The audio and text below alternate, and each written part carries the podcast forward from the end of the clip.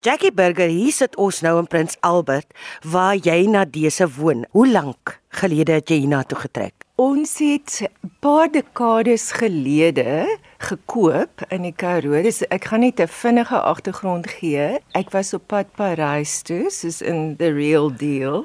Sjoe.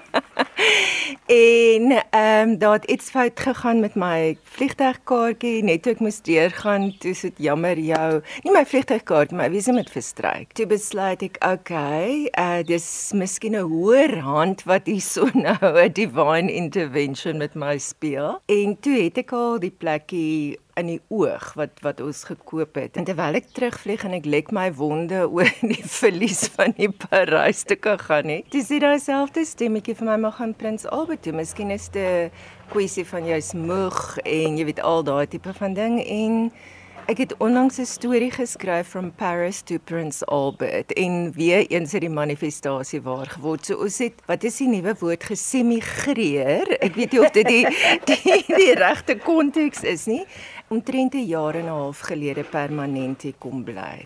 Ek is ook 'n plaaskind. Ek het my lewe lank op 'n plaas groot geword en het die voorreg gehad om, jy weet, blootgestel te word toe ek universiteit toe is. Ek was Stellenbosch toe en daarvanaf het ek was ek baie bevoorreg dat my loopbaan regtig geeskaleer het. Maar ek dink daai wortels bly altyd in jou siel. Die aanpassing moet ek eerlik wees en baie van my vriende sal daarvan getuig.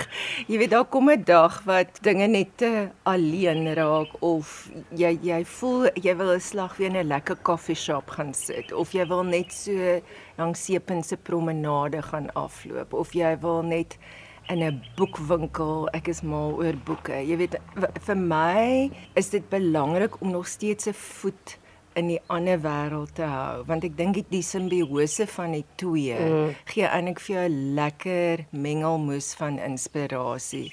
Maar dan as ek my motor se naam is Aris, ek sê so af en toe dan pak ek my tasse en ry ek in Aris gekry hier ek vir al my vriendinne en ek jy weet gaan nou al die gaan drink 'n champagne by die Nelly en ek gaan nou al my boekwinkels toe. En dan op 'n maandag as ek in Aris weer die N1 aanvat, dan kan jy voel daai adrenalien wat ek wel nodig het begin so uit die lyf uit sypel en as ek weer tevrede vir 'n tydjie. Jou styl bewonder ek nou al baie lank. Jy doen daai grys ding nou al vandat ek kan onthou, voor dit 'n ding geword het. Nou is dit 'n ding. Almal uh, het nou besluit, okay, ons kleer nou nie meer ons hare nie, ons gaan nou grys. Maar daai styl ding, kom dit van jou ma af? Weet jy interessant genoeg dit kom eintlik van my pa af. Ek dink hy was in sy 30s toe hy hierdie bos silwer hare en hy was baie beneek geweest. So as jy weet as die beneekheid te veel raak, dink ek Okay, maar iemand met sulke silwer hare het tog 'n sagte hart ook. Jy weet want daar's my nogal wysheid daaraan. En my pa's vroeg dood en na sy dood het ek my hare afgeskeer. En toe groei dit uit dieselfde kleur as my pa se. So dit was so 'n wonderlike klein seremonie vir my siel en ook 'n bietjie van 'n rite of passage dink ek. En dan wat betref my styl, dit is weer eens ek glo jou wortels van groot word is altyd wie jy is. Dit is jou oase wat jy altyd moet gaan uitput. Maar daai uh, gestrooptheid waar jy mee groot word en ook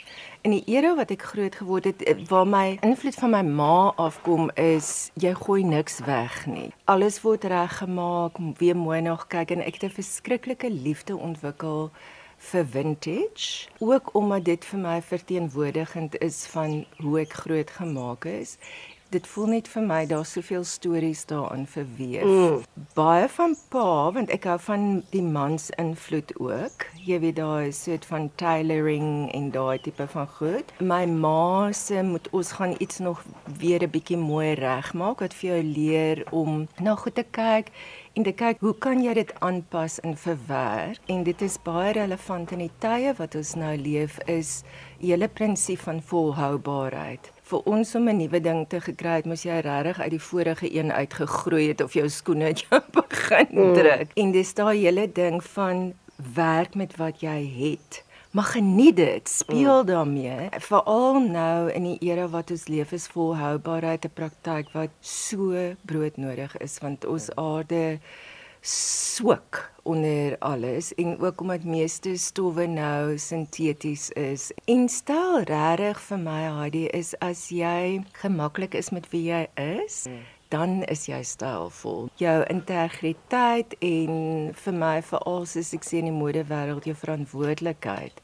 deesdae is van kardinale belang. As jy een van daai mense wat soos hulle sê in Engels die trends, die modeneigings slaafs navolg. Dit begin by die kern van wie is ek en waarvan hou ek? Want styl gaan nie net oor die klere nie. Dit mm. gaan oor selfvertroue, dit gaan oor om jouself lief te hê en trots te wees op wie jy is. Wat die tendense betref, dit was nog altyd deel van my beroep gewees uh oor al die jare en ek moet sê ek is bevoorreg ek het nogal 'n baie skerp sintuig. Daar's die kommersiële tendens wat inskop oor almal moet nou weer iets nuuts in hulle kas hê, maar dan is daar die sosiale norm wat besig is om te verander. Na die oorlog was daar net soos 'n gegeewe tipe Tweede Wêreldoorlog was daar baie meer mans tailoring wat deur gekom het. Mm.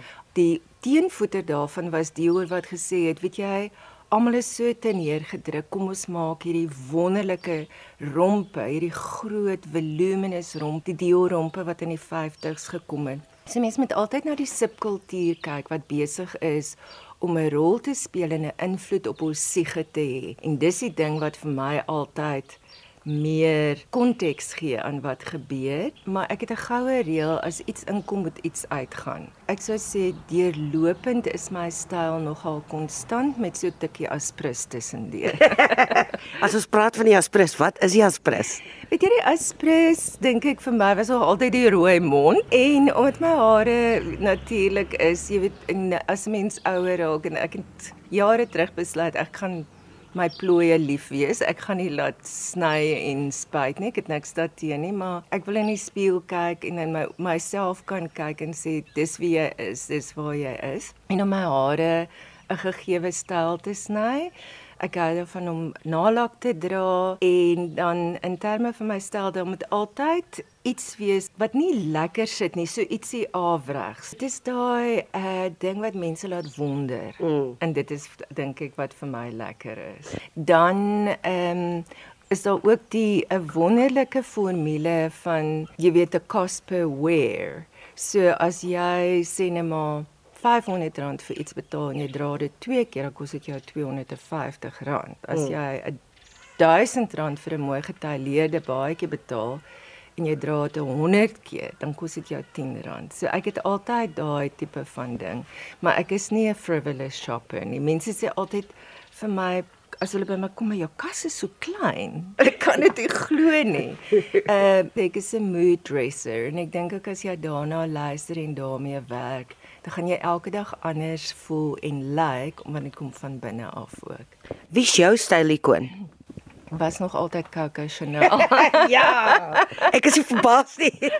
As jy kan sien. Ja, maar weet jy, wie eens in terme van styl ikoon is dit ook daai ding van wat uh, Chanel vir vrouens gedoen het. Jy weet vroue regte is ook 'n baie belangrike ding in my lewe. Sy het uit 'n weeshuis gekom. Dis waar julle swart en wit se was in 'n weeshuis en die nonne se swart habits wat hulle aangetree het met die wit kraag was baie deel van haar verwysing. Maar sy was ook 'n maverick en sy het ook jy weet kansse gevat en dinge gedoen van 'n sosiologiese amper oogpunt en daai bemagtiging en daai vryheid en selfvertroue om presies te wees en te soek wie jy is mm. is vir my 'n groot komponent van styl nie net hoe jy aantrek nie. Voel jy jy's nou waar jy moet wees hier in die Karoo jy het rustigheid wat oor jou lewe spoel. Is jy tevrede met waar jy nou is of is daar nog planne wat broei in jou kop? Daar sal altyd planne broei in my kop.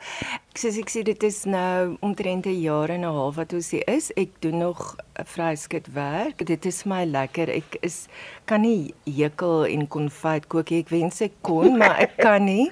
En ek het nog baie om te gee. Jy weet, ek voel ook ek is 65 hierdie jaar en ek gaan nou eers in my wise woman years in. So waar daar geleenthede is wat jy kan terugploeg, wil ek dit graag doen. Ek begin nou rustiger te raak, maar ek voel daar's nog iets wat broei. Ek is al baie keer gevra om 'n boek te skryf. So dit is iets wat ek na nou kyk. Ek het baie goed in my argiewe. Ek glo ook in soos hulle sê impermanence. Om in die oomblik hier te wees, jy weet dit is 'n geskenk, maar as iets anders op my pad kom, dan moet 'n mens oop wees om te sê waarheen word jy gelei. Wees net altyd wie jy is. Verstaan jouself want ek dink daar's soveel druk op vrouens veral omdat dit gaan oor mooi en wat is in en wat is uit. En ek weet baie mense dink ag nee, vader kan sy nou nie meer, jy weet, vir ons pitkos gee nie. Maar regtig jou skoonheid en jou styl kom van binne af. Kom van selfvertroue af en lief wees vir jouself. Absoluut.